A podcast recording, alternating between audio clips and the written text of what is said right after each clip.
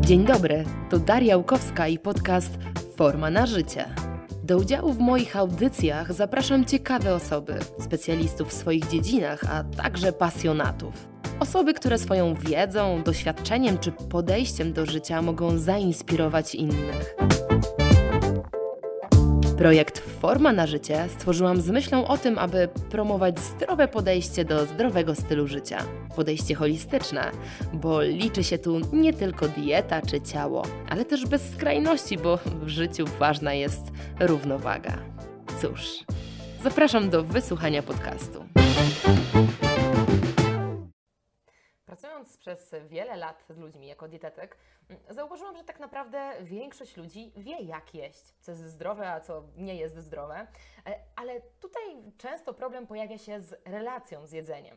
E, I można zauważyć, że tak naprawdę coraz więcej, mam takie wrażenie, e, ludzi ma w pewnym sensie zaburzenia odżywiania, a być może po prostu złe relacje z jedzeniem. Jaka jest różnica i czym są w zasadzie zaburzenia odżywiania, jak możemy z, nim e, wyjść, z nich wyjść e, i jakie konsekwencje niosą takie zaburzenia odżywiania. E, ze mną dzisiaj jest Dorota Traczyk, założycielka poradni dietetycznej Dieta Sportowca, a także autorka, założycielka podcastu mm, To Tylko Dieta, który właśnie mówi o zaburzeniach odżywiania. Cześć Dorota.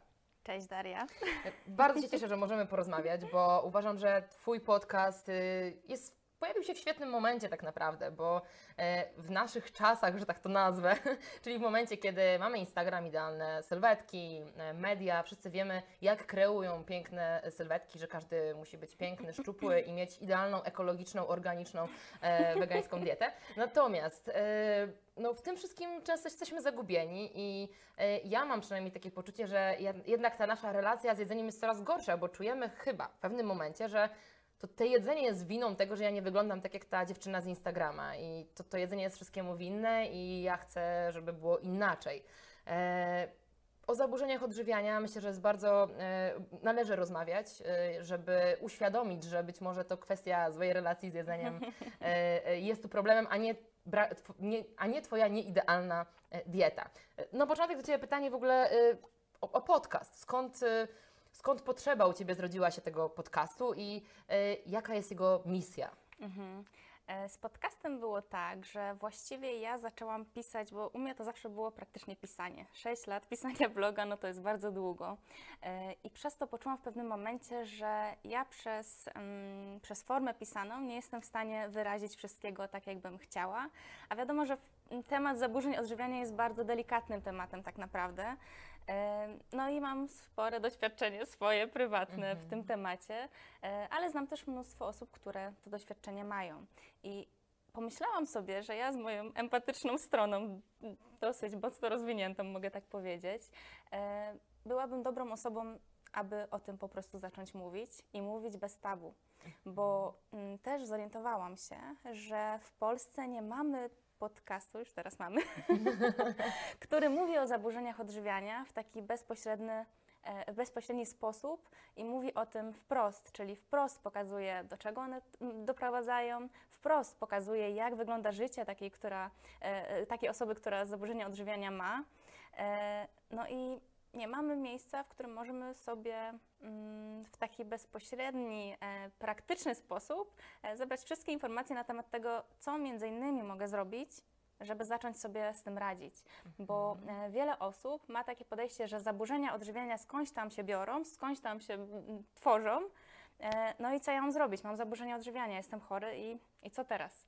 Mhm mało osób tak naprawdę, dorosłych już, które nawet, nawet wśród osób, które mają zaburzenia odżywiania wiele lat, e, dochodzi do momentu, gdzie stwierdza, że to jest moja odpowiedzialność, żeby z tego wyjść, prawda?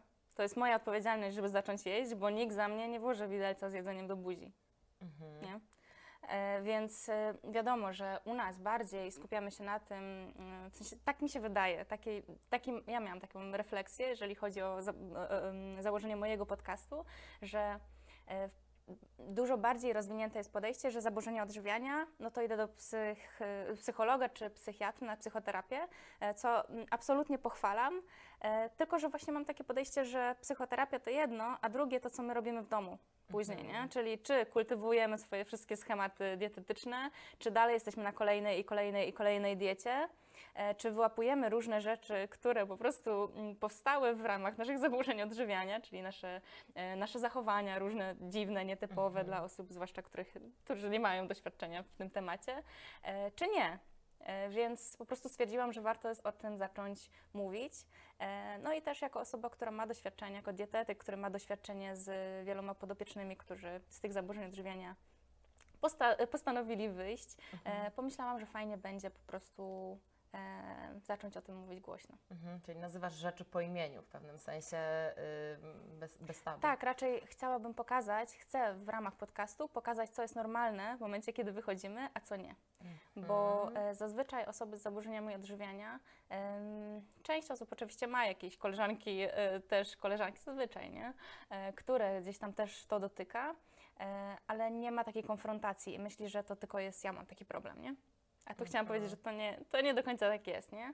I myślę, że też uprzedzenie tego, wyprzedzenie faktów, czyli e, na przykład mm, zaczynam jeść więcej po zaburzeniach restrykcyjnych, znaczy w trakcie jeszcze zaburzeń restrykcyjnych. To jest normalne, że będę strasznie się bał przełamywać swoje schematy, jeżeli chodzi o na przykład jedzenie w towarzystwie. To jest normalne, że e, będę się wstydził jeść więcej, bo mój mózg jest do tego po prostu Mhm. przyzwyczajony, że zawsze się ograniczam. I jest mnóstwo takich rzeczy, które są normalne tak naprawdę, ale one często, jeżeli ich nie wyłapujemy, bo nie wiemy, że to jest normalne, e, zatrzymują nas przed tym, żeby z tych zaburzeń odżywiania wyjść, prawda? Mhm. E, W związku z czym ja postanowiłam mówić po prostu o tym, że tak, to jest normalne, tak, musisz to znieść, tak, to minie, jeżeli będziesz kontynuował. Mhm. No to jest, to jest ciekawe, bo ja tak przynajmniej tak kojarzę, że kiedyś, bo no, zaburzenia odżywiania wiemy, o, anoreksja, bulimia, ewentualnie jakieś tam jeszcze z dwa dodatkowe, powiedzmy, zaburzenia. No i tak naprawdę co? No masz, no to właśnie, no nie wiem, no to zacznij jeść, nie? I, i jakby i tyle. A, a ty to pokazujesz od różnej strony i jakby różne cienie tego właśnie barwy, że jak to będzie, jak to może być e, i, i jakby oswajasz te wszystkie rzeczy, o których się w zasadzie nie mówi. I to, to myślę, że to jest potrzebne.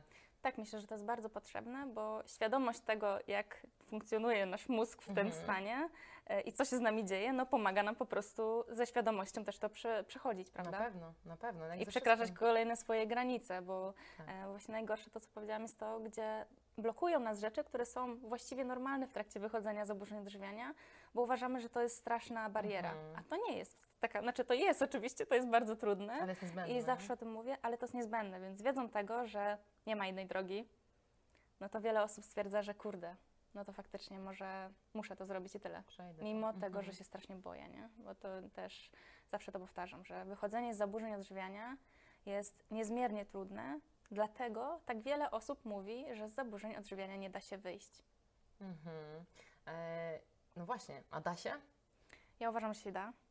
E, uważam, że się da wyjść z zaburzeń odżywiania, nie, stos- nie, nie traktować diety w sposób taki religijny, że tak powiem. E, wyjść spoza tego kręgu dietetycznego, gdzie całe życie jest skupione wokół diety, wokół treningu Mhm. i zacząć żyć normalnie. Ale też zauważyłam, że u różnych osób jest różnie i na pewno w trakcie wychodzenia z zaburzeń odżywiania, jeżeli to jest dobry, dobry, dobry sposób na wyjście z zaburzeń odżywiania, uczymy się tego, aby mieć cały czas świadomość tego, że taki diabeł, który mamy z tyłu głowy, który może nas mm, gdzieś tam kusić do tego, co było wcześniej, on gdzieś tam będzie. Mhm. Tylko, że uważam, że jeżeli mamy nad tym kontrolę i potrafimy e, świadomie obserwować nasze myśli, e, no to nie możemy nazwać siebie e, osobami z zaburzeniami odżywiania, tylko po Mhm. prostu osobami świadomymi, które z tych zaburzeń odżywiania już wyszły. Mhm. Bo niekiedy jest tak, że genetycznie mamy tak zaprojektowany organizm, że niekiedy, to jest, to jest taki mm, proces ewolucyjny, że niekiedy wpadając w sam deficyt energetyczny, czyli jedząc przypadkowo nawet za mało, część osób zaczyna wpadać w anoreksję czy bulimię i nie jest to e, wynikiem tego, że chciały się odchudzać. Mhm. Jest mnóstwo osób, które są szczupłe, były szczupłe, nie miały absolutnie problemów ze swoją sylwetką, tak jak mówi Mhm. Mówią mass media, tak, że, że zawsze to jest problem z sylwetką, z gazetami, z Instagramem. Często tak, ale często jest tak, że po prostu wpadły w deficyt energetyczny przypadkowo, ze stresu. Jakaś taka była sytuacja życiowa stresująca I to po prostu zaczęło nakręcać taką spiralę e, ograniczania się, e, kontroli ścisłej, tak? No tak jak mówiłyśmy zresztą wiele razy, Tak. że tutaj chodzi w dużej mierze też o kontrolowanie jakoś tam swojego ciała, diety, e, panowanie nad, jakimś, e, nad, nad jakąś częścią swojego e, życia. Mhm. To jak powiedziałaś właśnie to y, a propos tego, że my to, tego naszego diabełka możemy kontrolować, ale ja sobie od razu pomyślałam o moim y, ulubionym słowie, że może powinniśmy mieć bardziej wpływ na niego niż go kontrolować, bo ta kontrola była cały czas, a tu chyba chodzi o to, że my mamy wpływ tak naprawdę na to. Tak, bardzo, bardziej nie? chodzi, tutaj bardziej chodzi o to, że możemy analizować, zanim zaczniemy działać, nie? Mhm, Czyli dokładnie. na przykład ten diabełek e, mówi nam, że nie powinieneś już jeść, bo już zjadłeś dzisiaj, nie wiem, powiedzmy, e, nie powinieneś już jeść, jeść więcej, bo już zjadłeś dosyć dużo, no nie? W jakimś tam, to jest takie, wiadomo, bardzo subiektywne. E, no i ty sobie mówisz, ale jestem głodna, więc będę jeść, nie? Mhm. W sensie chodzi o to, że czasami ten głos wraca i to jest normalne w różnych momentach, e, ale po prostu jesteśmy w stanie ocenić to, czy serio Mhm. jestem głodna, no to jem, nie będę, nie będę się sugerować tym, co Tak. po prostu coś mi przychodzi do Bo głowy. być nie? może tego Bo- dnia więcej było ruchu albo tak, cokolwiek, jestem, nie? jestem w stanie po prostu spojrzeć na to z dystansem i stwierdzić, no nie będę Mhm. po prostu podlegał temu, No e, tak. ty, tym myślom. Pewnie. E, Ale to- też jeszcze tylko Mhm. dokończę, że też jest tak, że im dłużej, e, im więcej czasu minęło od zakończenia naszych zaburzeń, e, od słuchania tego głosu, tym bardziej on jest wytłumiony. Nie? On po prostu gdzieś jeszcze może czasami mm, przebłyskiwać, Mhm. e, ale jeżeli faktycznie przeszliśmy to w taki sposób, to wychodzenie, że e, robiliśmy sobie wyzwania, brnęliśmy mimo strachu w, we wszystko to, co wcześniej staraliśmy się unikać, no to jest nam dużo łatwiej po prostu Mhm. z tym walczyć, nie? Okej. Em, Tu jakby to pytanie właśnie, czy można na 100% wejść z zaburzenia odżywiania, to było jedno z pytań, które, o które dostałam od moich Mhm. widzów na Instagramie. E, I między innymi ich pytania, pytania osób, które, które były zainteresowane tym podcastem, wykorzystałam do, do też pytań, które do Ciebie będę miała, więc w międzyczasie będą one padać. Ale na początek właśnie, no bo zaczęłyśmy tak, że tak powiem, od, te, od tego, czy można wyjść, a czym są w ogóle jakby może nie czym są, ale jak e, możemy poznać, że my mamy złą relację z jedzeniem? Pytanie, czy jeszcze zła relacja z jedzeniem to, to po prostu jest jakby mm, synonim zaburzeń odżywiania, czy to są jeszcze jakieś różne, że tak powiem, stopnie? Jak Ty to widzisz? Mhm. E, Ja to sformułowanie e, relacje z jedzeniem, dla mnie ono jest właśnie takie mało, nie, nie dużo pokazuje, Okej. jeżeli, chodzi, e, jeżeli chodzi o stricte o zaburzenia odżywiania. Jeżeli chodzi o to, jak my mamy rozpoznać u siebie to, no to chyba odpowiedzią jest zupełnie pierwszy mój odcinek w podcaście, gdzie mówiłam o głodzie psychologicznym. E, Chodzi Okej. o to, że jeżeli mamy zaburzenia odżywiania, jeżeli coś tam kiełkuje, to dieta zaczyna być dla nas niesamowicie istotna w różnej formie, bo u każdego to jest inaczej. E, Od tego, że po prostu cały czas myślimy o jedzeniu, przez to, że myślimy o tym, żeby nie jeść, czyli o niejedzeniu, Mhm. E, Przez to, że e, zaczynamy wyrabiać u siebie takie schematy działania, czyli e, trzymamy się jakichś bezpiecznych ram diety, bo jesteśmy już przyzwyczajeni do tego, wiemy, że to jest dla nas bezpieczne, nie musimy jeść czegoś innego, co wydaje nam się już nie takie czyste, takie Mhm. dobre. Zaczynamy kategoryzować jedzenie jako złe i dobre, zaczynamy skupiać się na tym, że my czegoś unikamy i zaczynamy widzieć, że jesteśmy bardziej skupieni na jedzeniu niż ludzie dookoła. Mhm. To jest trudne do wyłapania na początku, bo na początku często jest tak, że mm, jesteśmy zachłyśnięci tym tematem. Jest to dla nas niesamowicie ekscytujące, Mhm. jak jedzenie ma wpływ na naszą sylwetkę zazwyczaj, czy poziom energii, czy w ogóle na ciało. I to jest po prostu tak wkręcające, że zazwyczaj nie, po prostu nie jesteśmy w stanie obiektywnie spojrzeć na siebie, nie? Mhm. E, ale myślę, że głównie chodzi o to, że ta dieta zaczyna być głównym tematem w naszej głowie. Okej. I to bardzo często pojawia się w momencie, e, kiedy po prostu zaczynamy być w deficycie energetycznym przez dłuższy czas. Bo to jest normalna reakcja organizmu, że zaczynamy myśleć o jedzeniu, prawda? W momencie, kiedy tego jedzenia nie ma odpowiednio dużo. To jest ciekawe. To, to myślę, że to powinno też wybrzmieć, że, że właśnie y, ten deficyt nakręca jakby to wszystko. Jakby Tak. teoretycznie to jest takie Tak. błędne koło troszeczkę, nie? Tak, i zamiast słuchać organizmu i realizować jego potrzeby, bo jeżeli myślimy ciągle jedzenie, jeżeli jesteśmy głodni, później ten głód wiadomo, że się to jest, się zaburza ten cały, mm, e, ta cała homeostaza tutaj, mm, no to znaczy, że trzeba jeść, nie? Tak. A u osób, które wyrabiają sobie zaburzenia odżywiania, to jest taki moment do rozpoczęcia walki z organizmem, Mhm. czyli ty mi nie będziesz mówił, ile ja mam jeść, bo ja wiem lepiej. Dzisiaj jemy tam ciach, tysiąc kalorii, nie? Mhm. I zaczynamy dyktować naszemu organizmowi to, co on ma robić, zamiast słuchać jego potrzeb. Czyli to tłumienie potrzeb, w moim odczuciu, wyrabia po prostu zaburzenia odżywiania, nie? Bo Mhm. gdybyśmy słuchali potrzeb, no to tak jak zwierzęta. Zwierzęta nie mają zaburzeń odżywiania raczej, prawda? No tak, no dokładnie, Po prostu są dokładnie. głodne, jedzą. Nie są głodne, nie jedzą. Tak. No, to, to jakby my sobie też mocno gdzieś tam to potem komplikujemy, nie? I, i, i to prawda. Tak, tak, tak. No niekiedy też to się zaczyna oczywiście od diet eliminacyjnych, jakichś tam, gdzie wiadomo, że teraz temat dietetyki jest popularny. E, więc tak, u niektórych zaczyna się to w taki sposób, że patrzą po prostu, tak jak mówiliśmy, e, teraz już może nie kolorowe gazety, no ale teraz mamy Instagrama, gdzie wszystko jest takie bardzo podresowane, nie? Gdzie mm, wstawia się zazwyczaj zdjęcia w idealnych pozycjach, wszystko jest takie idealne, wymuskane, cudowne. Mhm. I gdzieś tam to myślę, że pod, na podświadomość działa w taki sposób, że ja też może powinienem taki być, nie? Więc e, wystarczy jakiś gorszy moment w życiu, wystarczy może nieprzepracowana, ja tutaj nie chcę psychologizować Mhm. tego wszystkiego, ale oczywiście myślę, że ma to duży związek. Nie chcę po prostu grać psychologa, bo nie Mhm. jestem nim. Tak, ale, ale przecież spokojnie Ale myślę- wspomnieć, bo, ale bo myślę, to że ma to- tak. powtarzalne pewnie jakieś tam różne... Oczywiście, no myślę, że po prostu ma to olbrzymi związek. Jeżeli cały czas patrzymy na coś, wydaje nam się to jakieś takie, jeszcze miliony lajków pod tym. Mhm. E, I wystarczy, myślę, troszkę mm, niedopracowane poczucie własnej wartości, gdzie myślę, że wiele osób ma z tym Mhm. problem e, w jakiejś tam różnej formie. E, no i działa to na nas, wywierając po prostu jakiegoś rodzaju presję. I myślę, że to ma olbrzymi tutaj wpływ. Z drugiej, z drugiej strony jest to, że teraz temat diety jest niesamowicie popularny. Mhm. E, popularność dietetyki, dietetyki klinicznej, dietetyki, która porusza tematy eliminacyjne, Tak. e, chorób i tak dalej, no to jest takie overwhelming, tak, że, e, że ciężko, jeżeli zaczynamy szukać, co nam jest, jeżeli gdzieś tam dostrzegamy jakiś deficyt u siebie, powiedzmy, czy, czy może to wynikać oczywiście ze złej diety, ale wystarczy po prostu zacząć szukać, co mi jest, nie? I tutaj Hashimoto, tutaj Tak. y, y, z, in, tam z insuliną zaburzenia, zaburzenia cukru i miliony badań i wszystko, wtedy, jeżeli wpadamy w świat dietetyki u nas w Polsce, Tak. no to robi się hardcore Mhm.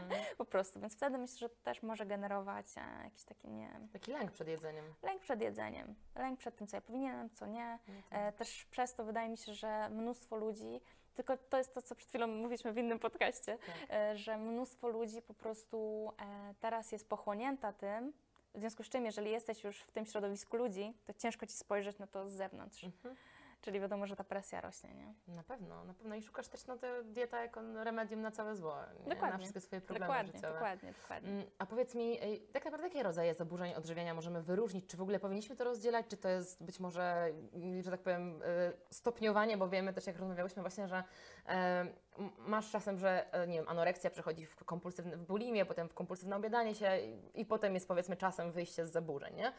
Czy to jest tak, że zawsze są jakieś, jakiś miks, czy raczej możemy zupełnie wyróżnić jakieś tam różne... Oczywiście jest to wszystko wyróżnione, ma to swoją klasyfikację, ale zastanawiam się czasami, czy warto. Oczywiście e, osoba, e, która cierpi na kompulsywne obiadanie się, e, a osoba z silnie restrykcyjną anoreksją, to są dwie bajki, tak? Mhm. Tylko, że no punkt wiadomo, że jest gdzieś tam wspólny, nie? bo obie, obie mają zaburzenia odżywiania, to na pewno.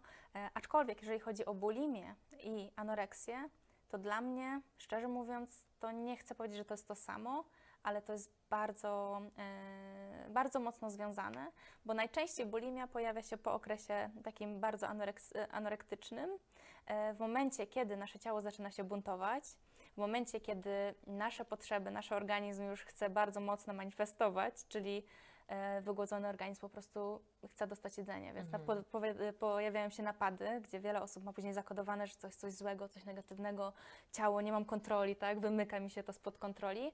Mm, e, straciłam wątek, ale mówię dalej. E, Tak, że bulimia, że jakby po anoreksji jesteś wygłodzona i przepadasz bulimię. Tak, ale czym to się różni? E, No, znaczy, czym to się nie różni? Mhm. Tym, że dalej nie chcesz przytyć, dalej Tak. chcesz mieć kontrolę nad swoim ciałem. Więc e, bardzo dużo dziewczyn zadaje mi pytanie, jak nie wpaść w bulimię, wychodząc z zaburzeń odżywiania? Mhm. No to odpowiedzią jest to zacząć słuchać organizmu, prawda? Mimo to, że on nie będzie się zachowywał tak, jak ty chcesz, bo to jest najtrudniejsze, opuścić tę kontrolę, nie? Czyli bardzo często w bulimię wpadają dziewczyny, które nie chcą wyjść wcale z zaburzeń odżywiania, to nie jest ich plan, albo traktują z angielskiego feast eating, czyli po prostu taki extreme hunger, czyli że moment, w którym organizm chce się nasycić, bo w końcu ma dostępność energii, jako okazję, żeby się nasycić, tak organizm traktuje, a one e, analizują to i stwierdzają, że to są napady odżywia- e, jedzenia, więc jest to coś złego. E, Czyli to jest kwestia tak naprawdę mm, spojrzenia na tego z zewnątrz i co to jest, to jest potrzeba mojego ciała, czy to jest wtedy emotional eating, tak? Bo teraz dużo się mówi o tym emocjonalnym jedzeniu i tak dalej, a bardzo często jest to po prostu potrzeba organizmu do tego, żeby nadrobić cały deficyt Mhm. sprzed tam x lat, tak?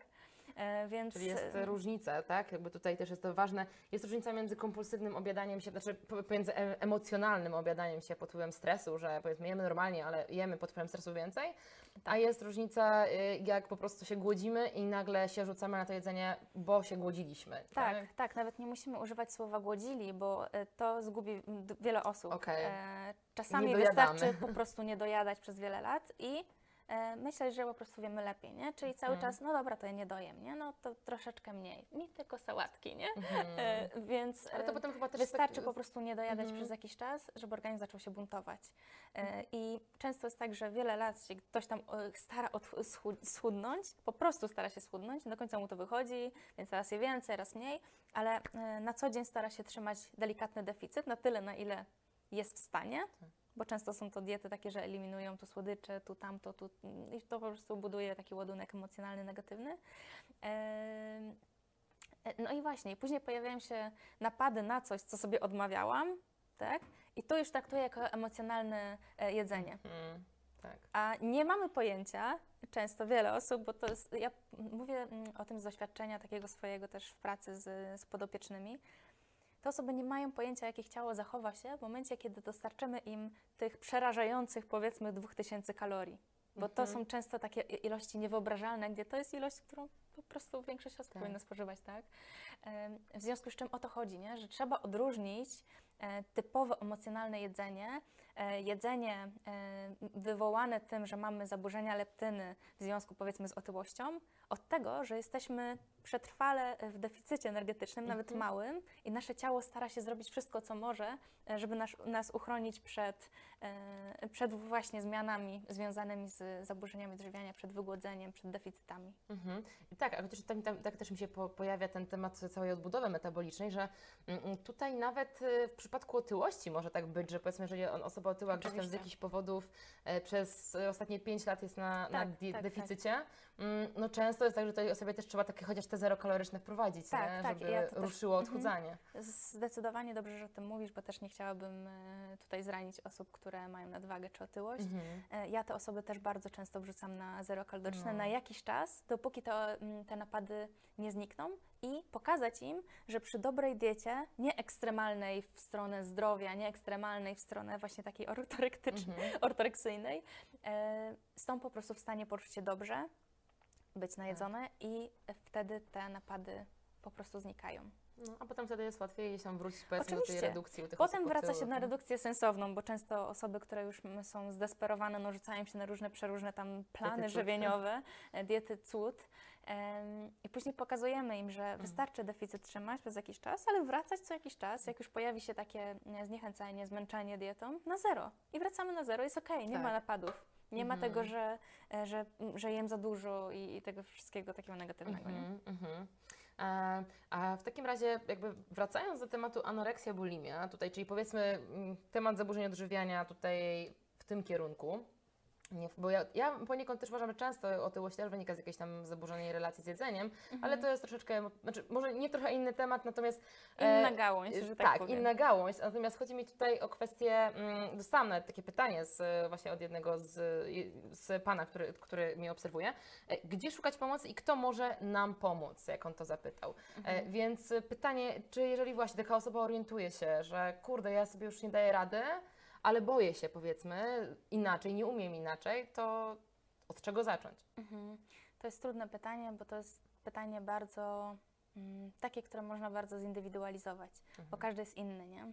I e, u niektórych e, u niektórych jest tak, że e, w ogóle mm, odpowiedzią na, pyt- to, na, na to pytanie jest na pewno to, że my sami musimy sobie pomóc, Mhm. bo znam mnóstwo osób, znałam w mojej historii z przeszłości, które mówiły, że och, tak cierpię na te zaburzenia odżywiania i tak nie mogę jeść i tak dalej, ale ostatecznie one wcale nie chciały być zdrowe. Mhm. Czyli musi ten, nadejść ten dzień, gdzie stwierdzam, że masa ciała, że te wszystkie moje schematy, e, że mój reżim treningowy schodzi na drugi plan Mhm. i ja zajmuję się zdrowieniem. Bo też wiem, przepraszam, że tutaj nawiązuję do tego, co masz na karteczce, ale, ale wiem, że tam miałaś też pytanie o to, czy, że ja lubię ćwiczyć, ale chcę Tak. wyjść z zaburzeń odżywiania. Mhm. No to tak, możesz, możesz ćwiczyć wychodząc z zab- z zaburzeń odżywiania, ale jeżeli wiesz, że teraz już zastanawiasz się nad tym, czy zaburzenia odżywiania, e, czy mogę, je, mogę z nich wyjść i nie rezygnować z treningów, no to znaczy, że prawdopodobnie musisz z nich zrezygnować, bo to jest coś, co bardzo mocno w tych Twoich zaburzeniach odżywiania siedzi i to jest coś, czego boisz się po prostu zrezygnować, ograniczyć, e, ponieważ jest to jakaś tam furtka bezpieczeństwa dla Ciebie, czyli cały czas trenuję, moje ciało będzie cały czas jakieś tam fit, wysportowane, będę aktywną osobą, nie stracę tej identyfikacji siebie z osobą aktywną, która dba o siebie, tak? E, I e, i jednocześnie, czyli zjeść ciastko i mieć ciastko, nie? Mhm. E, Ja uważam, że to, co sprawia nam, to, co generuje w nas największy strach w związku z wychodzeniem z zaburzeń odżywiania, to jest rzecz, nad którą najbardziej musimy się pochylić, czyli boimy się zrezygnować z aktywności fizycznej, musimy zobaczyć, jak wygląda życie bez niej.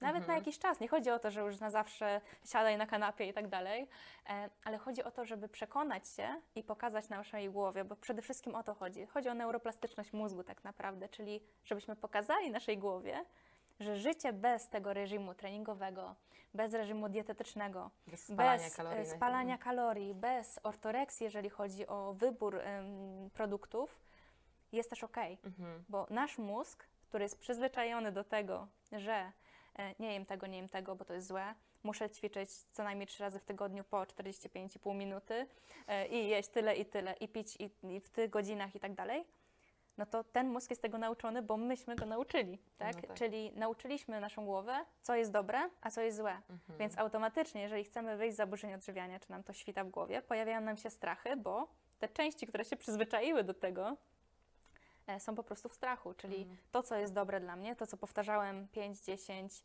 2 lata nawet, 20 lat, bo też mam podopiecznych, którzy 20 lat siedzą w zaburzeniach odżywiania, no to ja teraz muszę zawalczyć i pokazać tej głowie, że to nie jest dobre. To jest, Mhm. to jest strasznie trudna walka. Ja zawsze mówię, że jeżeli chcemy wyjść z zaburzeń odżywiania, to musimy być świadomi, że my już jesteśmy wymęczeni jak nie wiem co.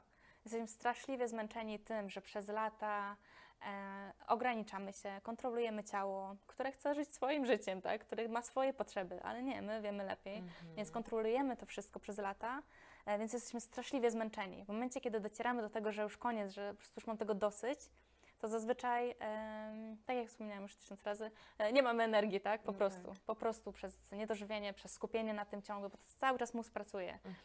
E, No, a żeby wyjść z zaburzeń odżywiania, potrzebujemy jeszcze konkretnej dawki energii po to, żeby zacząć przestawiać te swoje e, nawyki myślowe. Bo to jest Mhm. nawyk myślowy, to jest nawyk kojarzenia po prostu faktów, to jest nawyk tego, że zawsze jak wiem, że wyjdę ze znajomymi, na przykład później wieczorem na mm, obiad, no to raz, że muszę tak zaplanować to, żebyśmy poszli akurat do tej knajpy, a nie do tamtej, bo tam mają to i tam jest opcja bezglutenowa i tak dalej. Dwa, nawyk taki, że ja nie zjem teraz odpowiednio dużo, bo wiem, że później zjem coś, co nie wiem ile ma kalorii i to już budzi we mnie lęk. Czyli z takich nawyków jest po prostu, zazwyczaj jak proszę moich podopiecznych nowych, żeby wypisali mi listę tego typu skojarzeń, to na początku ta lista jest taka, a później w trakcie współpracy wychodzi, że ona jest taka, nie?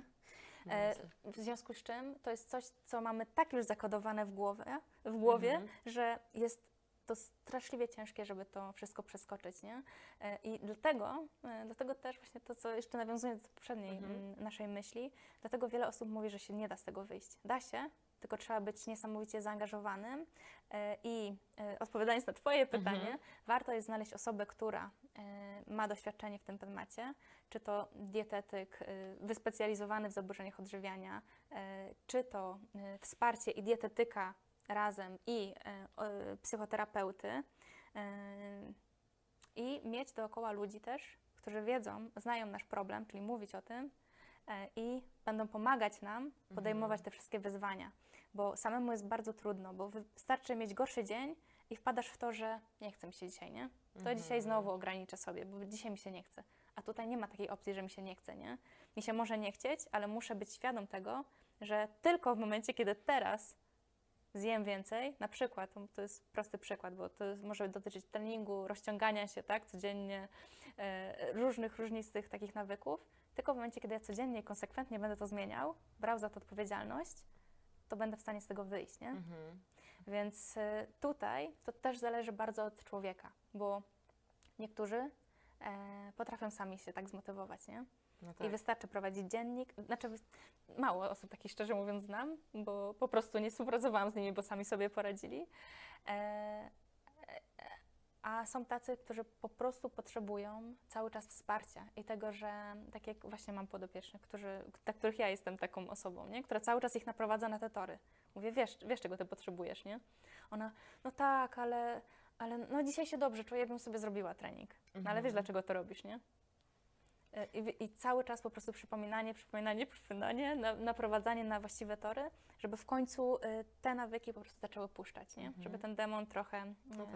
e, żeby mocno zdystansować Mhm. po prostu. No to z, tym, z tą aktywnością fizyczną, to, to pytanie, o którym, na które nawiązywałaś, to wręcz było tutaj użyte słowo, że kocham wysiłek, czy da się Mhm. wyjść ćwicząc, więc jakby tutaj myślę, że też y, właśnie, y, czy ten wysiłek był przed tymi zaburzeniami odżywiania, czy, bo przecież też jest, coś takiego jak zaburzenia odżywiania w sporcie w ogóle, Oczywiście. prawda? Które są warunkowane często, y, nie wiem, czy to jest balet, czy to są jakieś tam, gdzie ta masa ciała ma znaczenie, Mhm. tak, że są wymagania w sporcie po prostu. My gdzieś tam lata temu, ja pamiętam, napisałam jakąś tam pracę dyplomową z triady sportsmenek, Mhm. chociaż myślę, że teraz to wiemy, że dużo, dużo więcej jest konsekwencji niż tylko taka triada, nie? Natomiast, natomiast no właśnie, y, jak tutaj to rozdzielić? No bo jeżeli ktoś przychodzi do Ciebie i mówi, że on kocha ćwiczyć, bo ćwiczył całe życie, a w międzyczasie pojawiają się zaburzenia, no to Miałam akurat podopieczną, która przyszła e, trenując już wiele lat, jeszcze przed zaburzeniami Mhm. odżywień, e, odżywiania i trenowała na rowerze MTB, czyli w ogóle temat mi bliski. Też się dowiedziałam, że między innymi dlatego mnie wybrała, bo tu kolarstwo, tam kolarstwo, Aha. no to jesteśmy kumpelami, wiadomo. e, I faktycznie było tak, że my na początku naszej współpracy e, odłożyłyśmy ten temat, a tylko dlatego, bo ona powiedziała, że ona zrobi wszystko, co jej powiem, E, i chciała przytyć i tak dalej. Nie było tego oporu, nie? Więc ja mówię, dobra, współpracujmy. Wiem, że te hormony da się podreperować, jeżeli będziemy na surplusie energetycznym długi czas. E, I faktycznie u niej bardzo wiele się zmieniło rzeczy. Później y, na chwilę się rozstałyśmy, później znowu do mnie wróciła, bo nie mogła dalej tam przytyć i odzyskać miesiączki. I wtedy pojawił się taki moment, że mówię, kurczę, wiesz co, myślę, że możemy zredukować aktywność na jakiś czas, e, żebyś ty odzyskała ten okres, bo wydaje mi się, że po prostu st- cały czas zbyt duży stres jest w twoim organiz- organizmie, pomimo tego surplusu kalorycznego. Mhm. I ona powiedziała, kurde Dorota, e, po jakimś czasie, jak zaczęła próbować, mówi, ja nie zdałam sobie sprawy, jak bardzo jest to dla mnie trudne. I u niej okazało się to, że zmiany w diecie, nie było to łatwe, ale dawała radę. Dawała radę wprowadzać różne rekreacyjne produkty i tak dalej, ale rezygnacja z aktywności, czy nawet ograniczanie jej okazały się niesamowicie trudne, nie? mm, Więc to zależy, bo jeżeli przychodzi do mnie dziewczyna, która mówi, że ona nie chce przytyć, ale chce wyjść z zaburzeń odżywiania, no to w tym momencie z takimi osobami po prostu nie współpracuję już, bo wiem, że no nie ma tej motywacji, że to jest jakaś motywacja zewnętrzna, nie wiem co to jest, mhm. ale nie będzie, nie będzie nam się dobrze współpracować, po prostu nie damy rady te, przez to przejść, bo jest tak dużo ograniczeń i ciągle po prostu wszystko obija się o tą masę ciała, że nie damy rady. Ale tutaj udało się. E, Teraz ta dziewczyna jest na, we wspaniałym momencie, gdzie po prostu odkrywa e, świat poza tymi zaburzeniami odżywiania w takiej szerszej perspektywie e, i faktycznie cały czas walczy, nie? ale ona już ma tą siłę, bo odbudowała trochę tą masę swoją ciała, odbudowała ten dług energetyczny, nie w pełni jeszcze, ale już w dużym stopniu i ona ma tą siłę, żeby podejmować tą walkę sama, nie? Mhm. Także, mm, także to jest bardzo ciekawe i myślę, że to zależy, ale w 99% przypadku trzeba i tak tutaj pracować, bo jeżeli właśnie tak jak wspomniałam, e, mamy cały czas etykietę w głowie e, swojej, że my jesteśmy aktywni i tutaj fit i tak dalej, to zawsze to jest związane też z aktywnością No tak, fizyczną, nie? no. Jeżeli to jest zawsze aktywność fizyczna związana z tym spalaniem kalorii, gdzie na przykład kolarstwo no, jest sportem bardzo energochłonnym, co też wiem, pracując jako dietetyk sportowy oczywiście, e, no to to nie, to Mhm. albo robimy deficyt dietą, albo robimy deficyt aktywnością fizyczną, więc jeden kij, nie? No tak, no tak, no racja. Ale też trochę znowu, y, no, znowu wyprzedziłaś moje, moje pytanie. No bo właśnie, etapy wychodzenia i pytanie znowu od jednej dziewczyny tutaj z Instagrama. Czy przytycie zawsze musi równać się, e, przepraszam, czy przytycie to klucz do sukcesu? Czy ono zawsze musi wystąpić, kiedy chcemy wyjść z zaburzeń odżywiania? A dodatkowo chciałabym właśnie, żebyś to ubrała w takie etapy mniej więcej ogólne wychodzenia, czyli czego mniej więcej większość osób może się spodziewać, powinna się spodziewać. Okej, to jest, to oczywiście zależy, bo zależy, czy mówimy o anoreksji e, typowej, czy atypowej, bo atypowa to jest taka, gdzie ta masa ciała jest w takiej normalnej granicach, tak? Mhm. Normalny BMI, a anoreksja e, typowa, nie lubię tej nazwy, ale no tak to jest nazwane, e, to jest silne niedożywienie. Więc w silnym niedożywieniu, żeby mózg zaczął prawidłowo działać, żeby hormony mogły się uregul- uregulować, co też w sumie dotyczy atypowej anoreksji, e, no to odżywienie jest podstawą. Bez tego często po prostu psychoterapia nie zadziała tak, jak powinna. Często nie będziemy na tyle refleksyjni, nie będziemy na tyle silni, bo ja zawsze mówię, że nie bójmy się tego przytycia, bo oczywiście e, fizycznie jest to dla nas ciężkie, jest to ciężkie emocjonalnie, że nasze ciało się zmienia, e, ale to e, pokonywanie jakby tych barier swoich związanych ze strachem przed przytyciem buduje nas jako człowieka i pokazuje nam, jak jesteśmy silni, naprawdę.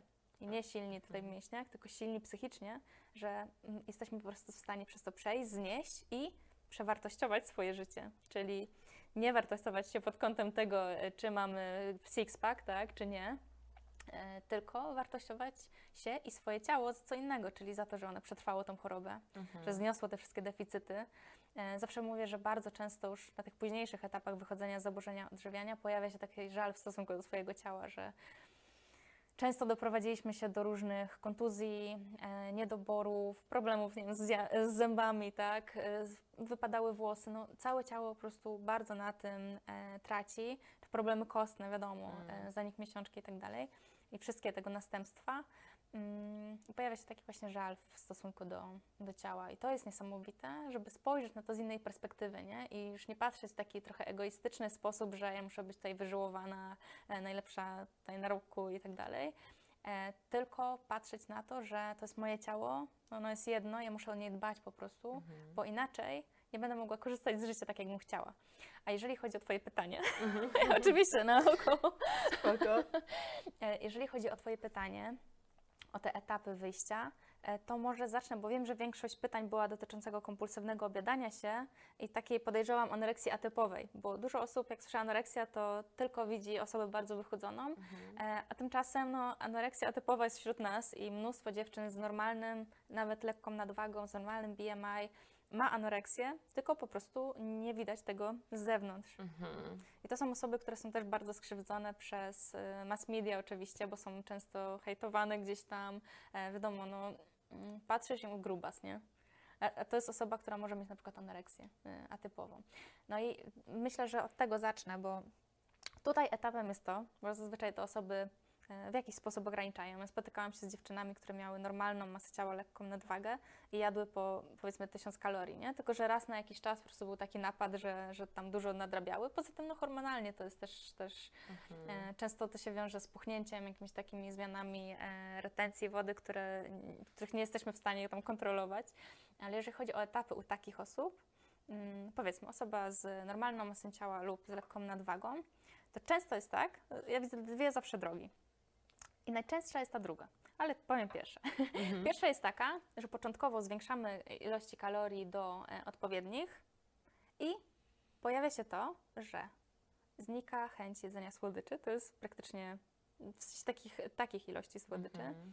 Powoli, stopniowo y, zmniejszają się epizody, jeżeli chodzi o obiadanie, czyli wyrównanie energii wystarczy do tego. To jest, ja mówię, dieta cud jest jedna i to jest dieta normokaloryczna, Mhm. lub z lekkim surplusem. E, to to. E, Jeżeli chodzi o masę ciała, to ona w pierwszych, w pierwszym miesiącu różnie się zachowuje i czasami jest tak, to jest, to jest takie wielkie wow, e, najczęściej ja to obserwuję, z osobami, które są na silnej restrykcji przez dłuższy czas, że zwiększamy te kalorie, i w organizmie nagle spada poziom kortyzolu i retencja wody. Czyli nagle ta osoba na przykład chudnie 2 kilo, 3 kilo Mhm. i mówi, Boże, jak to jest możliwe?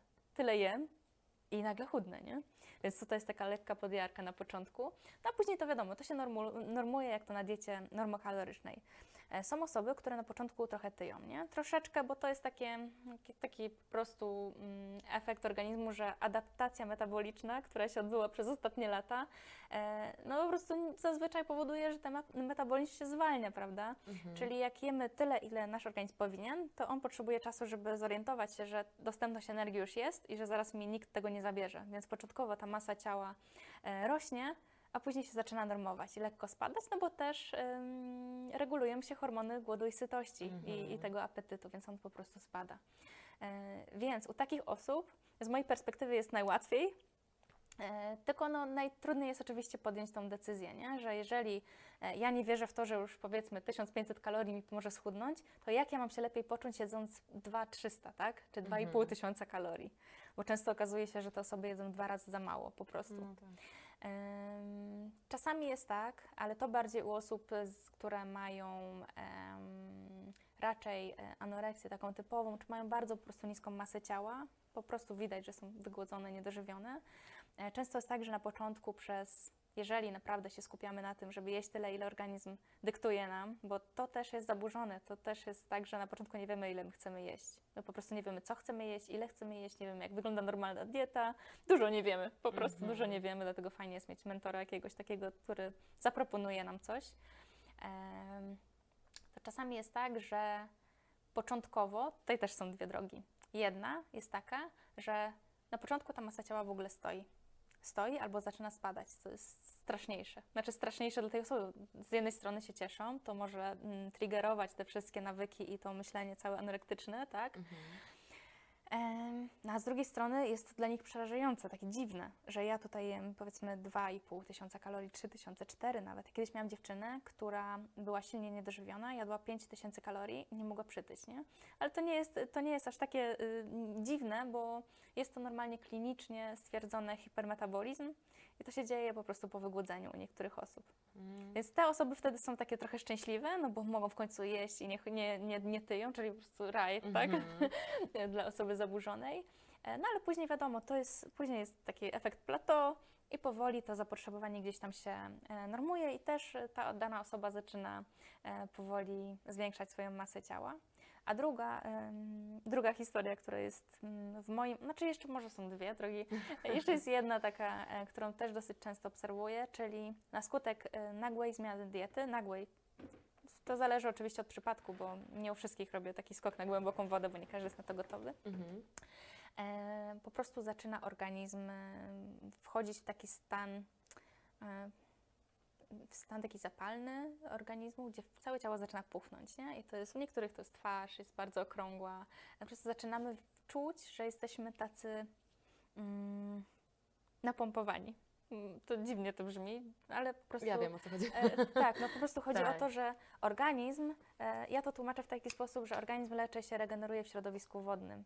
W momencie, kiedy Mhm. tej energii jest dużo więcej, to raz, że e, gospodarka e, mineralna jest trochę taka rozhuśtana, zdziwiona, tak, że nagle mamy dosyć dużo sodu, dużo w ogóle wszystkiego, tak, więc ta woda musi się gdzieś tam mm, rozdystrybuować odpowiednio. E, no a dwa, ta regeneracja, e, czyli ta retencja wody po prostu e, Mhm. często jest e, przez jakiś tam czas. Mm, Chciałabym powiedzieć, jaki to jest czas, ale to też jest przedział, nie? Od Jasne. dwóch miesięcy to jest bardzo mało, trzy miesiące, pół roku. E, Myślę, że po pół roku takiego, takiej regularnej, regularnego odżywiania to już zaczyna organizm się uspokajać, Mhm. po prostu jest zadowolony z tego, co się dzieje, nie? Więc to jest moim zdaniem najtrudniejszy etap, ale czasami zahacza też o ten etap największej mobilizacji, nie? Czyli motyw- mam motywację do tego, że żeby wyjść z tych zaburzeń, więc przetrwam wszystko, no ale później obijam się o to, że moje ciało nieadekwatnie do, do podaży jedzenia zaczyna szybko tyć, ale z Mhm. czego, z czego część tego to jest po prostu woda i czujemy się nabrzmiali, czujemy się bardzo źle. Do tego bardzo często pojawia się to, że jesteśmy niezwykle zmęczeni, tak jakbyśmy codziennie biegali maraton. I to jest też efekt tego, że musimy przestać patrzeć na to w ten sposób, że ja jestem teraz zmęczony, a jak jadłem mało, to nie byłem, więc coś tutaj nie działa. To nie jest tak. To jest tak, że organizm ma taki dług energetyczny, ma często dług odpoczynku, bo musimy zaznaczyć, że osoby z anoreksją e, i z zaburzeniami odżywiania restrykcyjnymi często robią bardzo dużo. To są często perfekcjoniści. To są osoby, które bardzo dużo ćwiczą, dopóki mają siłę oczywiście, bo później już często nie mają.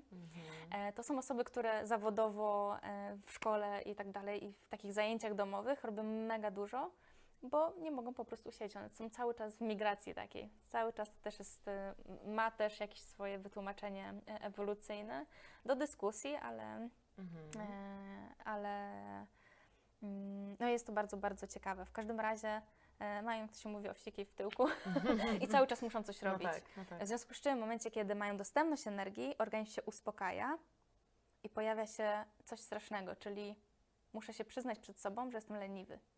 To jest, to jest dramatyczne, bo raz, że jem więcej, siedzę na dupie, wszyscy dookoła ćwiczą, więc muszę przestać się porównywać, co jest strasznym Mhm. obciążeniem psychicznym, wiadomo. Dwa, że mam zakaz tego, żeby uprawiać sport, więc czuję się beznadziejny ze sobą. I wtedy jest ten etap, gdzie trzeba to wszystko przearanżować. Czyli raz, że jedzenie, a dwa, że być gotowym na to, że to nie jest tylko jedzenie. Że to, to jest tylko dieta, nie? To jest jedna rzecz. A druga to jest właśnie poradzenie sobie z tym całym bagażem, który na nas zlatuje w momencie, kiedy chcemy wyjść z tych zaburzeń odżywiania i w którym dzieje się wszystko to, e, przed czym staraliśmy się przestrzec przez ostatnie, e, od, ostatni czas trwania w tych zaburzeniach.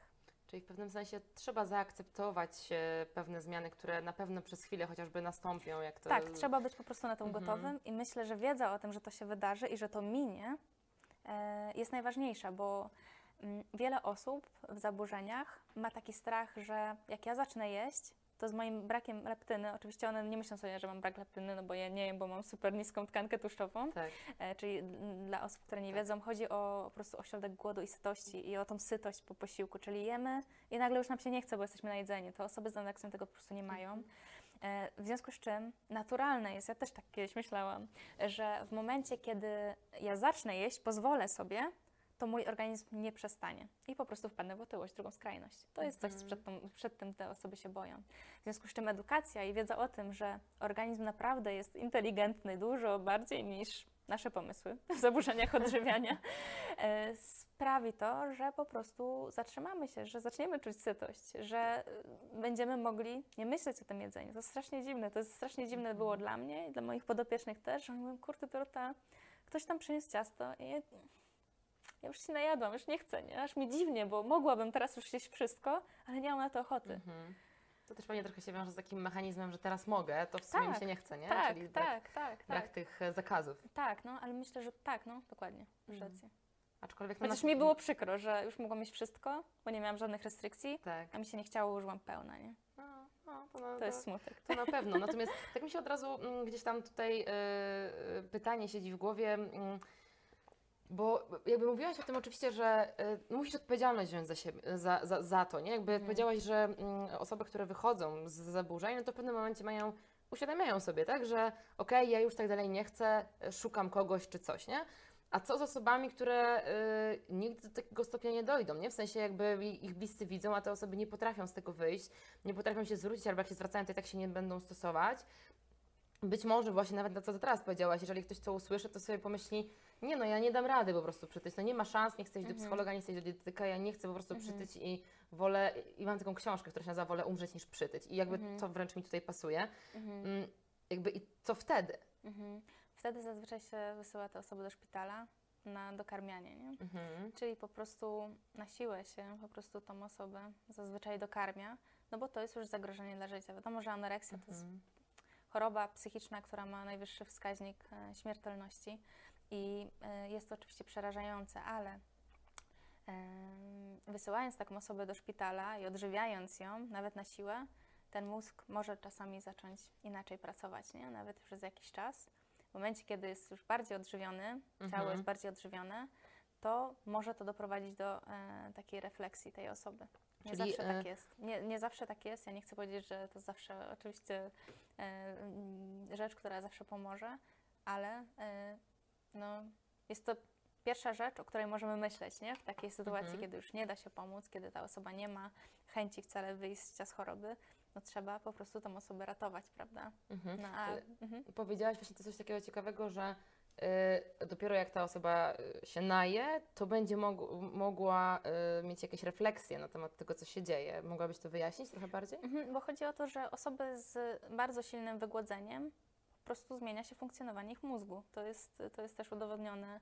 E, Zmienia się struktura mózgu, co ciekawe. W związku z czym no jest to przerażające, prawda? Bo możemy robić na swoją niekorzyść e, i albo być tego świadomi i dalej to robić, albo nie być tego świadomi. Mhm. I w momencie, kiedy jesteśmy, silnie wygłodzeni, nie będziemy tego świadomi, nie?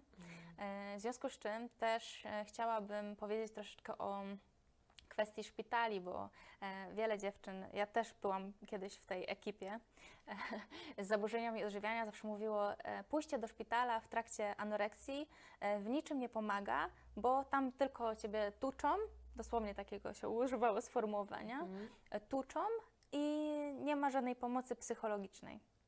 A to przecież ja mam z głową problem. No tak, to, to się zgadzam, że problem jest z głową, tylko problem też jest z, tak jak piramida Maslowa nam podpowiada, Mhm. z y, brakiem odżywienia organizmu, który po prostu nie jest w stanie myśleć totalnie logicznie y, w momencie, kiedy jest wygłodzony. Y, W związku z czym to jest pomoc, która może okazać się kluczowa. Znam dziewczynę, która faktycznie powiedziała, że ona idąc do szpitala już miała plan, że jak wyjdzie, to dalej będzie robiła po swojemu, ale w momencie, kiedy e, jej organizm dostał energii przez jakiś tam czas, powiedzmy 3 czy 4 miesiące, to jej sposób myślenia trochę zaczął się zmieniać, nie? Bo stwierdziła, że ona już nie chce do tego szpitala wracać Mhm. i może pora coś dalej tam zrobić. Oczywiście nie było to później usłane tam różami wszystko, e, ale dało to ten bodziec, nie? Że wyszła z deficytu, często, tak jak mówiłam, deficyt może być triggerem, wyszła z deficytu i powoli coś tam zaczęło się zmieniać, a wtedy dobra psychoterapia, e, oczywiście z osobą, która mm, do nas trafi, bo myślę, że to nie jest tak, że są e, źli psychiatrzy, Tak. tak, psy, psychoterapeuci, tylko niewłaściwi do nas po prostu. No, nie każdemu zaufamy od razu, to jest logiczne. Tutaj potrzebne jest jednak zaufanie i chęć pomocy sobie. E, Także, także to nie jest takie proste i myślę, że trzeba wtedy po prostu ratować się tym, co można i spełniać te podstawowe potrzeby. Mhm. A to jest tak, że w szpitalach, y, no bo też ostatnio rozmawiałam z jedną podopieczną, która gdzieś tam lata temu też, też przyszła i, i wspominała też, że to chyba je było, nie wiem, jedno spotkanie takie z terapeutą, czy, czy, czy grupowe, no pewnie, pewnie zależy, natomiast właśnie, y, czy to jest tak, że właśnie zależy gdzie i, i powiedzmy są te tak zwane lepsze szpitale, gdzie jest ta y, psychoterapia indywidualna i grupowa, a w innych nie ma? Czy to jest taki na przykład też celowy zabieg, że oni wiedzą, że najpierw muszą je odżywić, żeby jakkolwiek do nich dotrzeć? Czy to jest po prostu tak, wiedzą, że wiedzą ale też w wielu szpitalach, no zwłaszcza w jakichś tam, nie tylko szpitalach, ale ośrodkach prywatnych, e, są takie sesje psychoterapeutyczne, często grupowe. Mm, Natomiast oczywiście też mówimy o szpitalach e, publicznych, Tak. e, gdzie to też wiem, że to też zależy mm, od danego szpitala czy ośrodka, więc nie, Mhm. nie jestem w stanie odpowiedzieć, bo, bo też nie chcę powiedzieć czegoś, co nie jest zgodne z prawdą. Mhm, mhm, To zależy. E, No, to po prostu. Okej. No. rozumiem. E, Niemniej no, na pewno kład, e, kładzie się wtedy nacisk na, na tą dietę, nie? Mhm, na odżywienie organizmu, na. No tak, na to. mhm. I, i, I też wspominałaś, że taki, taki, mm, taki etap tego bycia w szpitalu to zazwyczaj jest około trzech miesięcy, tak? Plus minus. Mm, Wiem, że są osoby, które są dłużej, ale to mówię, to też jest bardzo zależne Aha. od ośrodka, nie? bo jest mnóstwo prywatnych ośrodków. Mhm. No tak. Um, Okej, no w I takim to razie... też zależy oczywiście od tego, e, z jaką masą ciała się tam trafia, prawda? Mhm. Gdzie jest moment, gdzie już A jest- jesteśmy w stanie e, zacząć po prostu pracować sami ze Jasne. sobą. Ja nie byłam prywatnie w szpitalu, więc nie znam aż takich szczegółów Rozumiem. odnośnie tego, jedynie z, z, Mhm. z po prostu z wiedzy zdobytej i z doświadczeń. A wiesz, jak to jest, e, nie wiem, że właśnie te osoby muszą x procent przytyć na przykład masy ciała, żeby móc e, Tak, na pewno do jakiejś tam masy ciała jest, e, jest cel, żeby, żeby po prostu wtedy można się wypisać. Okej, rozumiem. No dobra. E, także po prostu no, rozumiem, że niezależnie. Myślę, że to też pewnie łatwiej, jeżeli ktoś jest niepełnoletni, to rodzice pewnie mogą to łatwiej też zrobić, że tak powiem, czyli że tak powiem taką osobę po prostu przymusić. No jeżeli jest osoba starsza, no to pewnie to już jest trochę trudniejsze, prawda? Bo, bo, bo jednak. Tak, tak, tak.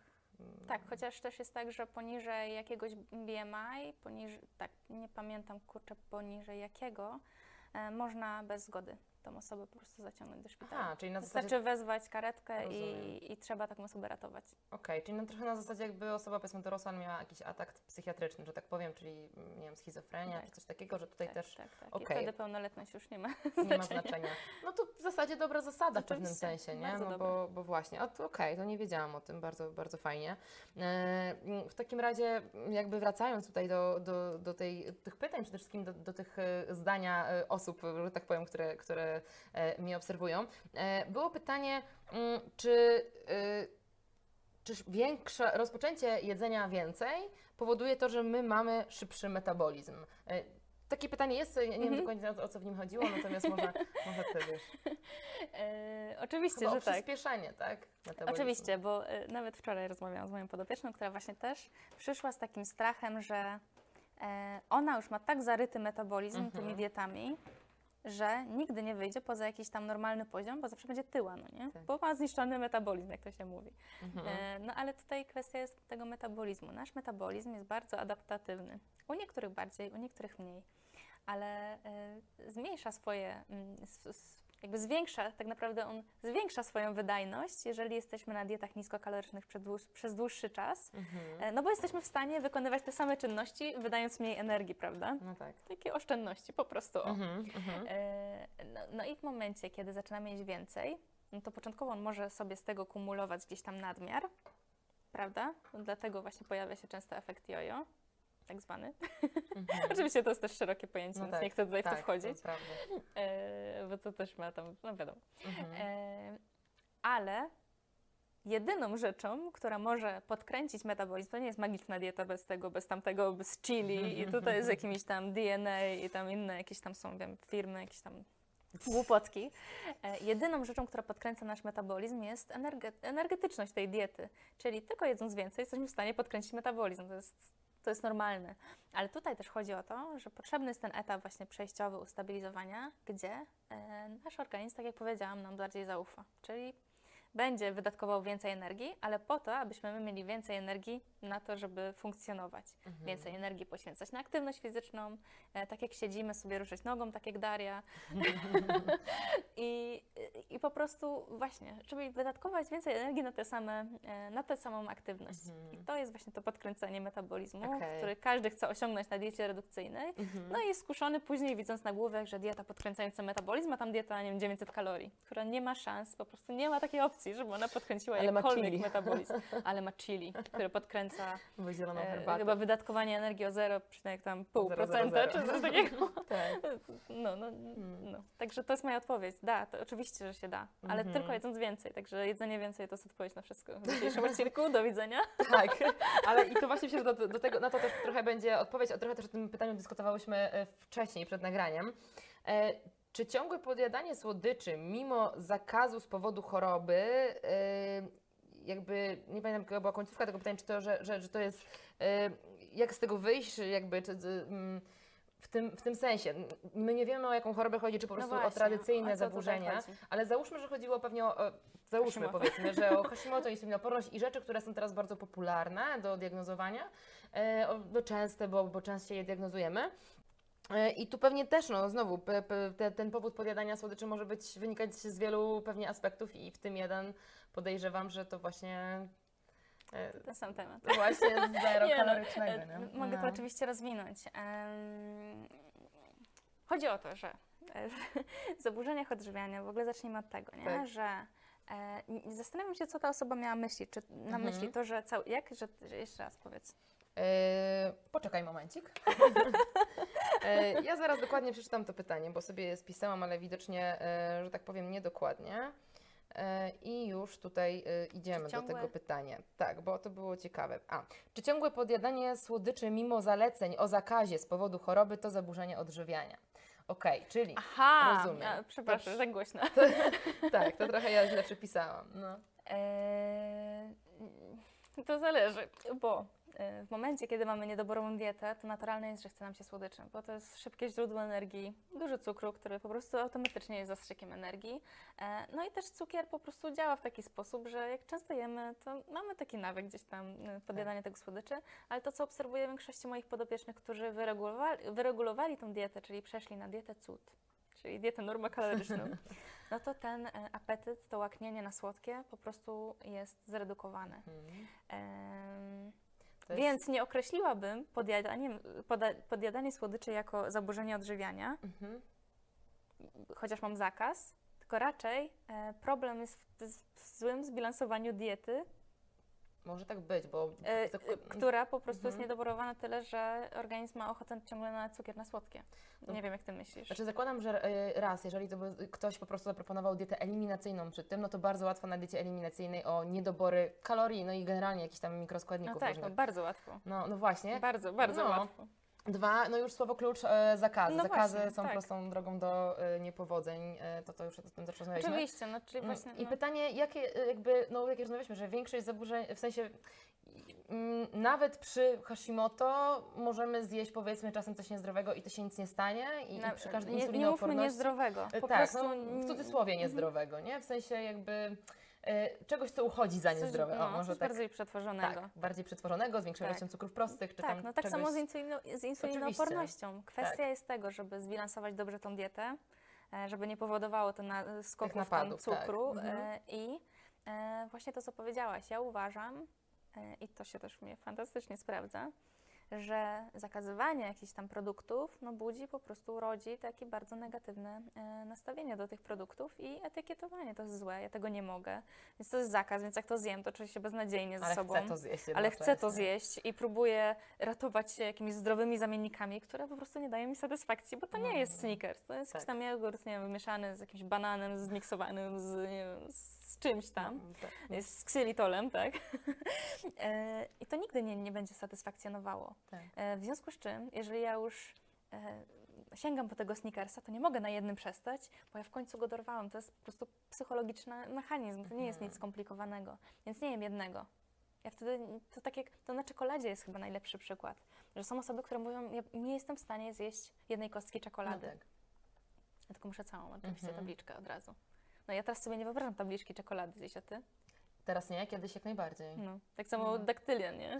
I teraz nie jesteś w stanie Tak. sobie wyobrazić zjedzenia 400 gramów daktyli, Naraz. tylko po trzech już jesteś zasłodzona. No. E, dlatego o to chodzi, nie? Wyrównana dieta, dobra, ona rozwiązuje tak dużo problemów, że mi jest ciągle przykro, że dieta, tutaj dieta, tam dieta, tu dieta taka, tu dieta na to, tu na to, ale mało się mówi o diecie, która realizuje po prostu nasze potrzeby i Mhm. pokazuje nam, że poza nią nie potrzebujemy za dużo tam kombinacji, nie? Tak. że to jest tak naprawdę to znalezienie centrum e, rozwiązuje mnóstwo naszych e, problemów, czy to właśnie z napadami, czy to z obiadaniem się e, słodkim, czy to z taką nadmierną, z nadmiernym jedzeniem słodyczy. Myślę, że to też jest warto, żebyśmy to rozwinęły, bo co to znaczy nadmierna ilość słodyczy?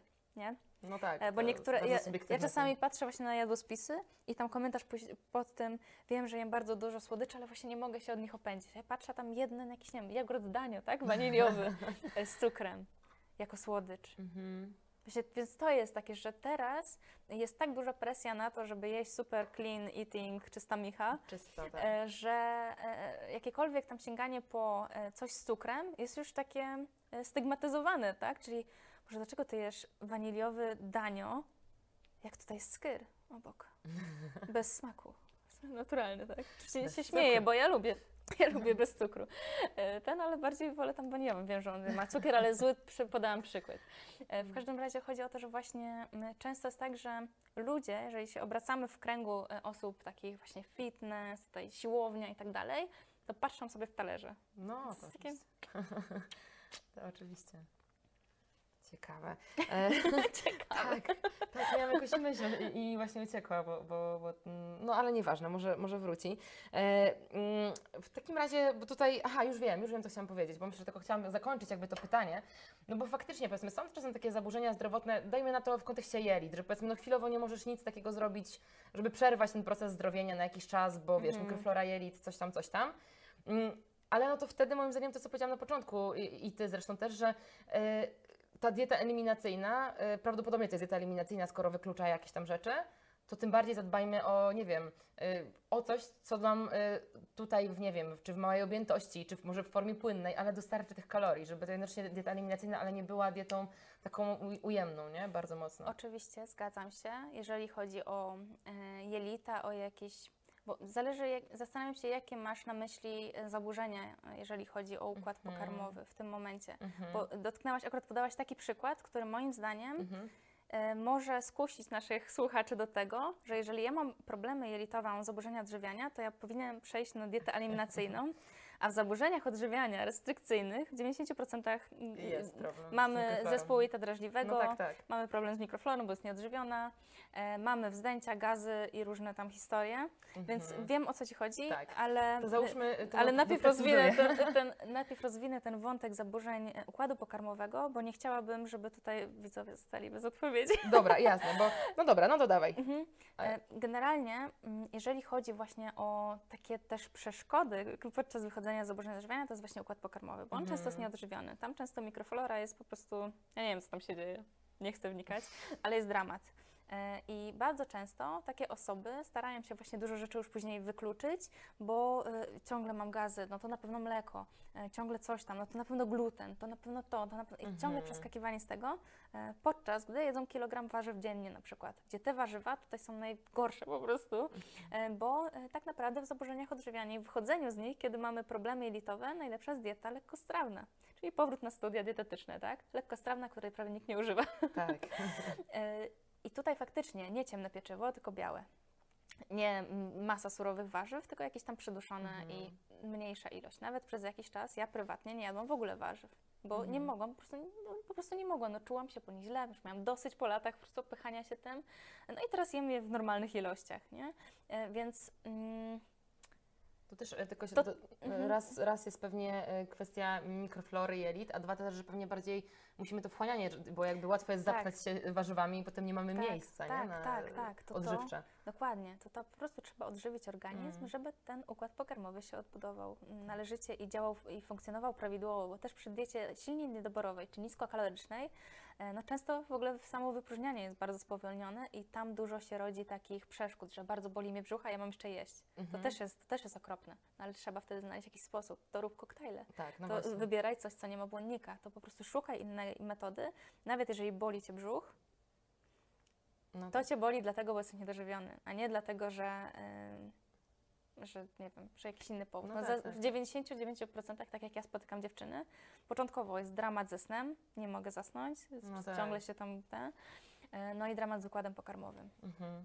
Więc y, tutaj wykluczanie poza, poza tam takimi zdrowymi produktami i ograniczanie ich, zamienianie na inne wersje, e, co i tak jest fajnym tutaj elementem, bo przy okazji mamy e, możliwość do tego, żeby się zchallenge'ować, tak, z, e, e, sprawdzić i przetestować i wprowadzić inne produkty Mhm. bardziej przetworzone, to to jest super dla naszej głowy, a jednocześnie pomagamy układowi pokarmowemu. Mhm, no tak. Ja tutaj w ogóle, no, y, bo, bo jakby to nie, w ogóle, nie było pytania o te zaburzenia odżywiania, więc zakładam, że może chodzi, chodziło o te napady słodkiego, więc tak od razu pomyślałam po prostu o osobie, która, wszystko, nie? która powiedzmy nie ma zaburzeń odżywiania e, i musiała coś wyłączyć i nagle pojawiły się te, te, te, te No, no napady to na słodkie, więc myślę, o, o diety, tym bardziej pomyślałam. Często tak. pójść, pójście do dobrego dietetyka, który pokaże nam, ile faktycznie powinniśmy jeść. No, dokładnie. Zwłaszcza właśnie, że ktoś musi być na diecie eliminacyjnej, ale nie ma zaburzeń odżywiania, za, załóżmy, nie? Bo tutaj od innej strony. Tak, chociaż też mi przychodzi od razu na myśl No. to, że często osoby, które mają problemy jakieś zdrowotne e, i mają przejść na dietę eliminacyjną, traktują to jednocześnie jako dietę odchudzającą Tak, przy to okazji. Bo i tak, teraz jestem ten, teraz nie mogę jeść Tak. i to, i tamto. I to jest też takie, tutaj trzeba być bardzo, bardzo czujnym. No zawsze, no właśnie, że że jeżeli to jest jakieś zaburzenia odżywiania, no to one tym bardziej nie możemy, do, nie, nie zaburzenia odżywiania, zaburzenie zdrowotne, no to tym bardziej nie możemy doprowadzić do niedożywienia w, na innym polu. nie? Tak, no a jeszcze to jest je, jeszcze kolejna rzecz, albo flow, że, e, że czasami te zaburzenia zdrowotne wywoła- wywołane są też zaburzeniami odżywiania, które gdzieś tam się ciągle ciągną. No. Więc No tak. e, ja też kiedyś myślałam, że mam pełno alergii pokarmowych, że Tak. tutaj mam coś, tutaj mam tamto i faktycznie zostało mi niedoczynność tarczycy taka Mhm. mm, stworzona przez po prostu deficyt no. y, długotrwały, ale żadnych, teraz ja mogę jeść wszystko, po prostu mogę jeść absolutnie wszystko i jest okej. Tak. E, No chyba, że jakiś tam naprawdę hardcore bym sobie, sobie zafundowała, nie wiem jaki. Mhm. E, Ale teraz, po tych wszystkich nietolerancjach, zostało mi tylko wspomnienie. Myśmy to zakończyły, ale jeszcze nie, dlatego że, tak patrzę, ale chyba tak, zostało nam jedno pytanie, do którego troszeczkę już nawiązałaś a propos tych jelit. Długofalowe konsekwencje zaburzeń odżywiania, myślę, że warto o tym powiedzieć i jednocześnie też się pojawiło tam chyba z dwa razy e, a propos hormonów, czyli jak długo trwa i jak właśnie przywrócić, myślę, że jak długo trwa powrót e, do równowagi Normalności. hormonalnej, zwłaszcza u kobiety. Czyli jakby no może powiedzieć, że długofalowe konsekwencje w połączeniu z e, Mhm. kwestią e, e, powrotu do równowagi hormonalnej, jakby Mhm. tutaj jeszcze zakończmy jakby ten temat takimi właśnie konsekwencjami, nie? Myślę, że nie zaskoczę, jeżeli powiem, że to zależy, bo to oczywiście zależy od długotr- od trwałości, od tego, Mhm. ile lat trkwimy w zaburzeniach Tak. odżywiania, bo inaczej będzie osoby, która choruje rok, dwa, a inaczej 20 czy 15 lat. E, od poziomu wygłodzenia, no bo tutaj musimy odbudować masę ciała i to wiadomo, że zajmuje trochę czasu, e, i od e, zaangażowania w zdrowienie. Bo Mhm. jeżeli właśnie mamy takie, mm, takie pomysły, że jesteśmy zaangażowani, ale nie na 100%, no to to będzie nam się przyciągać i przyciągać i przyciągać i powrót po prostu do, do tej takiej równowagi no, zajmie nam dosyć dużo. Także to jest tak indywidualne, że nawet nie chciałabym podawać mm, konkretnych jakichś tam czasu, no bo nawet się nie da. Jasne. E, Takie Mhm. minimum uważam minimum do tego, żeby zobaczyć dużą różnicę, jeżeli chodzi o, mm, o funkcjonowanie naszego organizmu, to jest 3 miesiące. Mhm. E, ale znam osoby, które po prostu dochodzą do siebie rok. E, Jeżeli No chodzi o tak. takie pierwsze duże, no bo później, tak jak powiedziałaś, długotrwałe to nie jest trzy miesiące czy rok, tylko długotrwałe to jest takie, że po, nie wiem, po 20 latach czy 10 latach jeszcze pamiętamy to, że mieliśmy zaburzenia odżywiania, bo na przykład mamy ciągle problem z zębami. A. E, Bo na przykład mamy słabe włosy i one już, co prawda, no po 20 latach to może, może nie, ale e, one gdzieś tam nadal się regenerują. E, Mamy kontuzje, które nabyliśmy kiedyś, ale przez to, że w tej kontuzji, to myślę, że Ty tutaj możesz się wypowiedzieć Mhm. od strony fizjoterapeutycznej, że przez to, że w tej kontuzji trwaliśmy przez ileś lat, to różne kompensacje się No w naszym ciele stworzyły.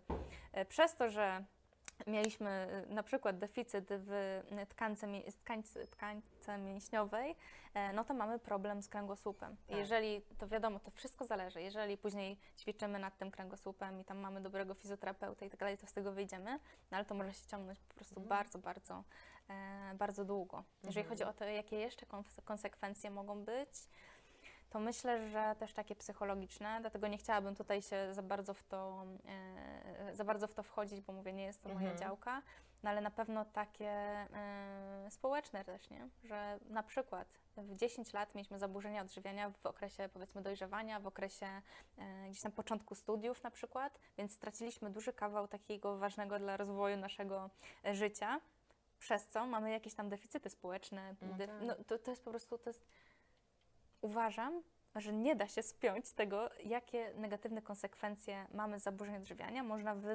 wymieniać sobie różne poszczególne, ale tak, żeby to opisać całościowo, to ja myślę, że nie jestem świadoma połowy, nie? Mhm. Nawet tego, e, ile, ile, jaki to po prostu przynosi No tak. uszczerbek na naszym zdrowiu, na naszym funkcjonowaniu, na naszym ciele, no i psychice przede wszystkim też, nie?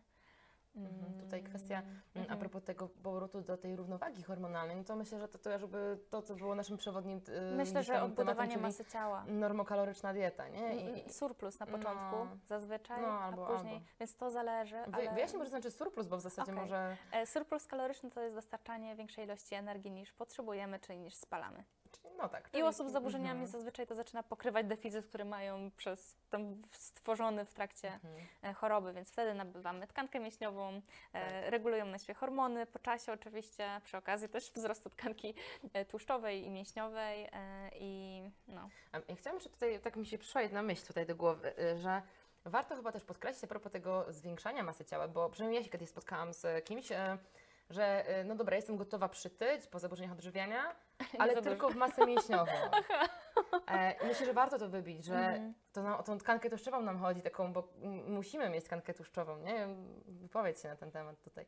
Oczywiście i myślę, że tutaj też e, łączy się to trochę z tym tematem social mediów, Instagrama, gdzie tam często dziewczyny, które są fit i są takie zadbane, mają kaloryfer na brzuchu, co nie jest fizjologiczny, e, fizjologicznie normą naszą, prawda? Bo często te dziewczyny muszą poniżej 20% tkanki, Oczywiście, mięś- no- tkanki tłuszczowej zejść, Tak. żeby, żeby ten kaloryfer gdzieś tam się ujawnił. E, także, mm, jakie było pytanie? nie, no, także, e, Warto pamiętać, że te... Także tak, oczywiście. Mm.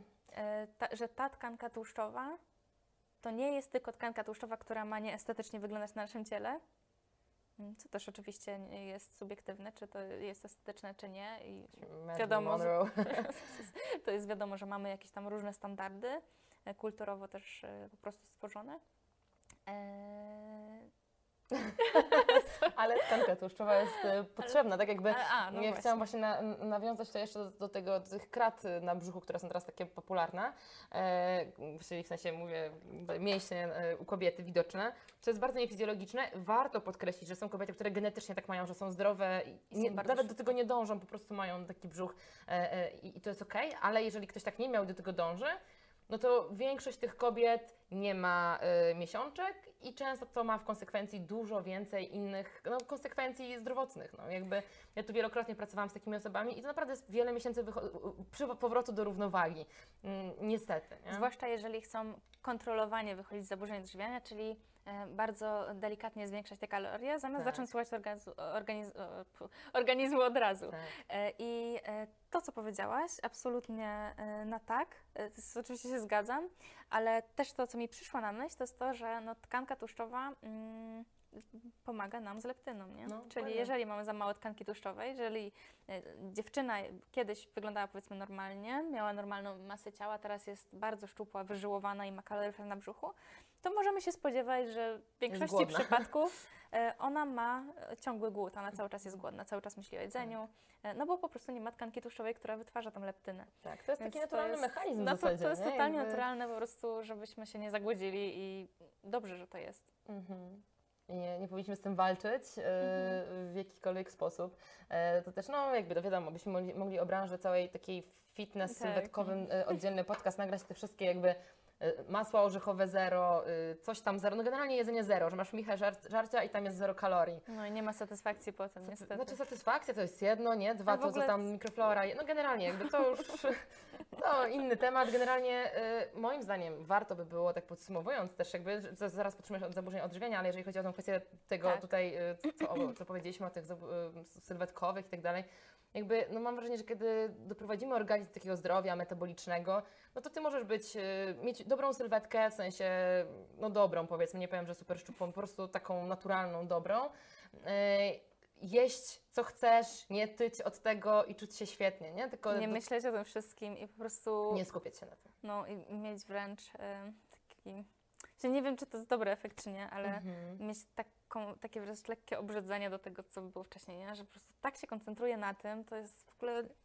To nie jest tego warte. Zwyczajnie to nie jest tego warte. Mhm. Więc tak, zgadzam się. Absolutnie można dojść do takiego poziomu, gdzie jest super, nie musisz o tym myśleć, możesz sobie pozwolić na rekreacyjne jedzenie od czasu do czasu. Sensie nawet nie od czasu do czasu, po prostu jeżeli e, wiesz, co jest zdrowe, no to naturalnie twój organizm też będzie po prostu dążył do tego, żeby jeść zdrowego i uzupełniać to jakimiś produktami rekreacyjnymi, które nie, bu- nie budzą absolutnie jakichś wielkich emocji. Prostu mam ochotę na loda, bo jest ciepło, no to jem sobie tego loda i czuję się okej. Tym Zapominam problemu, nie? zaraz o tym. Zapominam. Mhm. Tak, dokładnie. Więc e, Dorota, podsumowując, e, bo, bo naprawdę myślę, że kawał, kawał wiedzy tutaj przekazałaś. E, jeżeli ogląda nas osoba, która potem stwierdziła, że kurde, nie no, ona chce się wziąć za siebie, bo, bo czas najwyższy, od czego zacząć? Okej, y, jeżeli taka osoba jest wśród Was, e, to po pierwsze zapraszam na mój podcast, bo tam rozwijam każdy element, o którym dzisiaj e, powiedziałam. Na pewno I- będzie link w opisie. Tak, i wiem, że jest mnóstwo e, dziewczyn, które zaczęły od mojego podcastu, nagle po prostu pff, no nie? Zaczęły słuchać wszystko, przesłuchały naraz. Do mnie Mhm. piszą takie podekscytowane, że Boże, w końcu otworzyłam oczy i teraz się biorę za to. Zaczynam od na przykład rezygnacji z liczenia, z liczenia kalorii. Tylko, że musimy być świadomi tego, że e, to, że zaczniemy coś robić, nie znaczy, że nie będzie mnóstwo kłód pod nasze nogi leciało. Także, żeby podtrzymać motywację, e, możemy sobie zacząć pisać dziennik. To jest ważna rzecz. E, no i wymyślać sobie różne zadanka. Czyli czego się boję teraz najbardziej? Boję się tego, żeby na przykład śniadanie jeść, albo powiedzmy, żeby do kolacji dodawać węglowodany, bo zawsze jem białkowo-tłuszczowe Mhm. bo węglowodany to wiadomo, że jest dramat. E, no więc pierwsze co mi przyjdzie do głowy, ok, no to dzisiaj dodaję węglowodany do kolacji. Jeżeli już biorę się za to i przygotowuję automatycznie to, co już po prostu jem od roku, to samo codziennie powiedzmy, no to dokładam sobie te węglowodany, mimo że, że, że, mimo że pojawia mi się w głowie taka myśl, że no to może od poniedziałku, to może nie teraz jeszcze, nie? Nie ma, nie ma takiej, takiej sytuacji. Odkładając wychodzenie z zaburzeń odżywiania, e, zawsze po prostu będziemy odkładać wyzdrowienie swoje. E, w związku z czym musimy sobie zacząć po prostu wymyślać różne challenge, różne wyzwania. Jeżeli potrzebujemy wsparcia, to znajdźmy kogoś odpowiedniego do tego, kto będzie po prostu nam w tym pomagał, wspierał nam, przypominał nam, co jest najważniejsze e, i po co w ogóle my to robimy i po co zaczęliśmy to robić. Warto sobie to po prostu zapisać. Czyli po co ja chcę wyjść z zaburzeń odżywiania? Wypisać sobie wszystkie negatywne skutki, które w tym momencie wiemy, wypisać sobie wszystko to, co e, wiemy, że e, jest dla nas trudne, i wybierać sobie, nie? Dzisiaj na przykład wyjdę na miasto i nie wypiję tylko czarnej kawy, americano, tylko do tego e, powiedzmy wezmę, zacznę od tego, że dodam mleko. I pełno tłuste powiedzmy, nie? Mhm. To są małe, wielkie kroki, ale od tego się zaczyna i to pozwala nam pokazywać, jak nasz mózg zaczyna po prostu wariować w tym momencie, kiedy my zaczynamy robić co innego. To, że my sobie to narzucamy, czy współpracy na przykład ze mną, czy samodzielnie, E, czy ja po prostu zaproponuję, bo na tym też polega moja współpraca z podopiecznymi, że ja proponuję różne rozwiązania, wyrównuję dietę, pokazuję, jak ta dieta powinna wyglądać Mhm. faktycznie. E, no i wymyślamy różne wyzwania. Ja to robię już na podstawie tego, że zaczynam kojarzyć, jaki to jest mm, styl, że tak powiem, e, osoby, jaki to jest schemat. Mm, I na podstawie tego e, po prostu jesteśmy w stanie e, pokonywać te nasze bariery kolejne, nie? I Mhm. przełamywać ten mózg i zmieniać te, mm, te po prostu ścieżki neuronowe, tak? W, w głowie, które zawsze się świecą w momencie, kiedy robimy to samo, czyli jest satysfakcja. Znowu się ograniczyłem, jest, zajebiście, nie? Tak. E, No a, a później właśnie zaczyna się palić na czerwono, w cudzysłowie oczywiście, nie? Że robimy coś innego i jest to dla nas trudne, czujemy się okropnie z tym, ale wiemy, że to jest dobre i wiemy, że musimy to robić, żeby przestało tak być. Mhm. E, także tak, musimy zacząć, po prostu musimy wziąć to w, w swoje ręce, uświadomić sobie, że nikt za nas tego nie zrobi, że jeżeli pójdziemy na psychoterapię, u, uważam, że psychoterapia jest bardzo ważna, e, bardzo ważna, naprawdę i nie chcę, żeby wybrzmiało, że ja mam z tym jakiś problem, absolutnie nie. Uważam, że na psychoterapię powinno się iść, bo skądś te zaburzenia wzięły się, gdzieś tam jakieś deficyty były, e, ale nikt za nas nie zmieni tych nawyków nikt za nas po prostu nie zacznie jeść więcej. Nikt za Mhm. nas nie zacznie wybierać większej puli produktów niż wcześniej miałam. E, Nikt za nas po prostu tego nie zrobi, to my musimy to zrobić. Jeżeli motywacja będzie wynikała z zewnątrz, to będzie chwilowe, ale jeżeli będziemy my tego świadomi, że musimy to zrobić, e, nawet nie wyobrażając sobie, bo to też jest bardzo ważne, że niekiedy zaczynając wychodzić z zaburzeń odżywiania, my nie wiemy, czego się spodziewamy po tej drugiej stronie. My nie wiemy, ile my straciliśmy, bo jesteśmy tak bardzo w to wkręceni. Mhm. E, Więc musimy zaufać, że po drugiej stronie jest dużo lepiej, jest dużo prościej, jest dużo więcej szczęścia, dużo więcej radości, dużo więcej życia przede wszystkim. Mhm. E, Więc musimy w to zaufać po prostu i konsekwentnie to wszystko powtarzać. Mhm. Odzyskać życie, odzyskać wolność, prawda? Dokładnie. I y, przestać kręcić życie dookoła jedzenia, bo to jest możliwe. I tak jak powiedziałaś, jest dużo lepsze. Zdecydowanie tak. Dorota, dziękuję Ci bardzo za, za dzisiejszą rozmowę. Pewnie ja też bardzo, ostatnią. bardzo dziękuję. Zapraszam jeszcze raz na, e, do podcastu Doroty i e, cóż, jeżeli jesteś osobą, która potrzebuje takiej pomocy, to jak najbardziej do Doroty też kontakt na pewno znajdziesz w opisie. E, A ja za dziś dziękuję i zapraszam do wysłuchania kolejnego podcastu. Dzięki.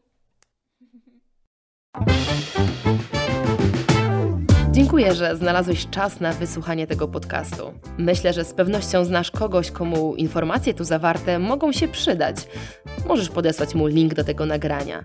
A jeśli zechcesz udostępnić ten podcast na swoich mediach społecznościowych, tym bardziej będzie mi miło, a projekt Forma na Życie będzie rozwijał się szybciej. Z góry dzięki!